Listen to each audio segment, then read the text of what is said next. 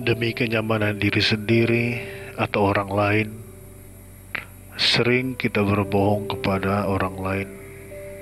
Kenyamanan semu memang akan kita dapatkan ketika kita berbuat salah dan tidak mengakui kesalahan itu, malah berbohong ketika ditanya perihal kesalahan itu.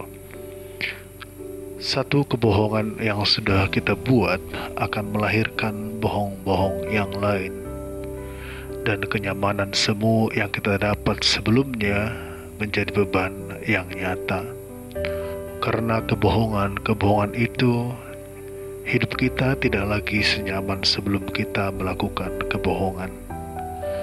Betapa leganya perjalanan hidup kita saat tidak ada suatu kebohongan pun yang kita lakukan.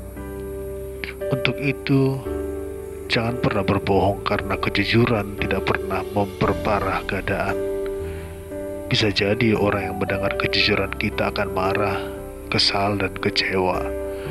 Tetapi itu lebih melegakan karena lambat laun relasi kita akan segera pulih kembali daripada menunda kejujuran dan akhirnya mendengar kenyataan yang sesungguhnya di kemudian hari bahkan dari orang lain kadar kemarahan, kekesalan dan kekecewaan itu pasti lebih berat dan biasanya lebih membekas.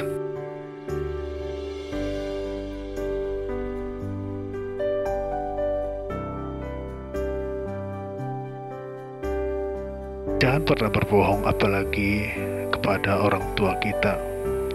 Selain akan mendatangkan ketidaknyamanan, bagaimanapun jika kepada sosok yang memberi kita makan, minum, dan kenyamanan-kenyamanan lainnya saja kita sanggup berbohong, apalagi dengan orang lain yang tidak melakukan hal yang sama dengan orang tua kita. Ketika saya sanggup berbohong kepada orang tua, kepada siapa pun saya akan sanggup berbohong.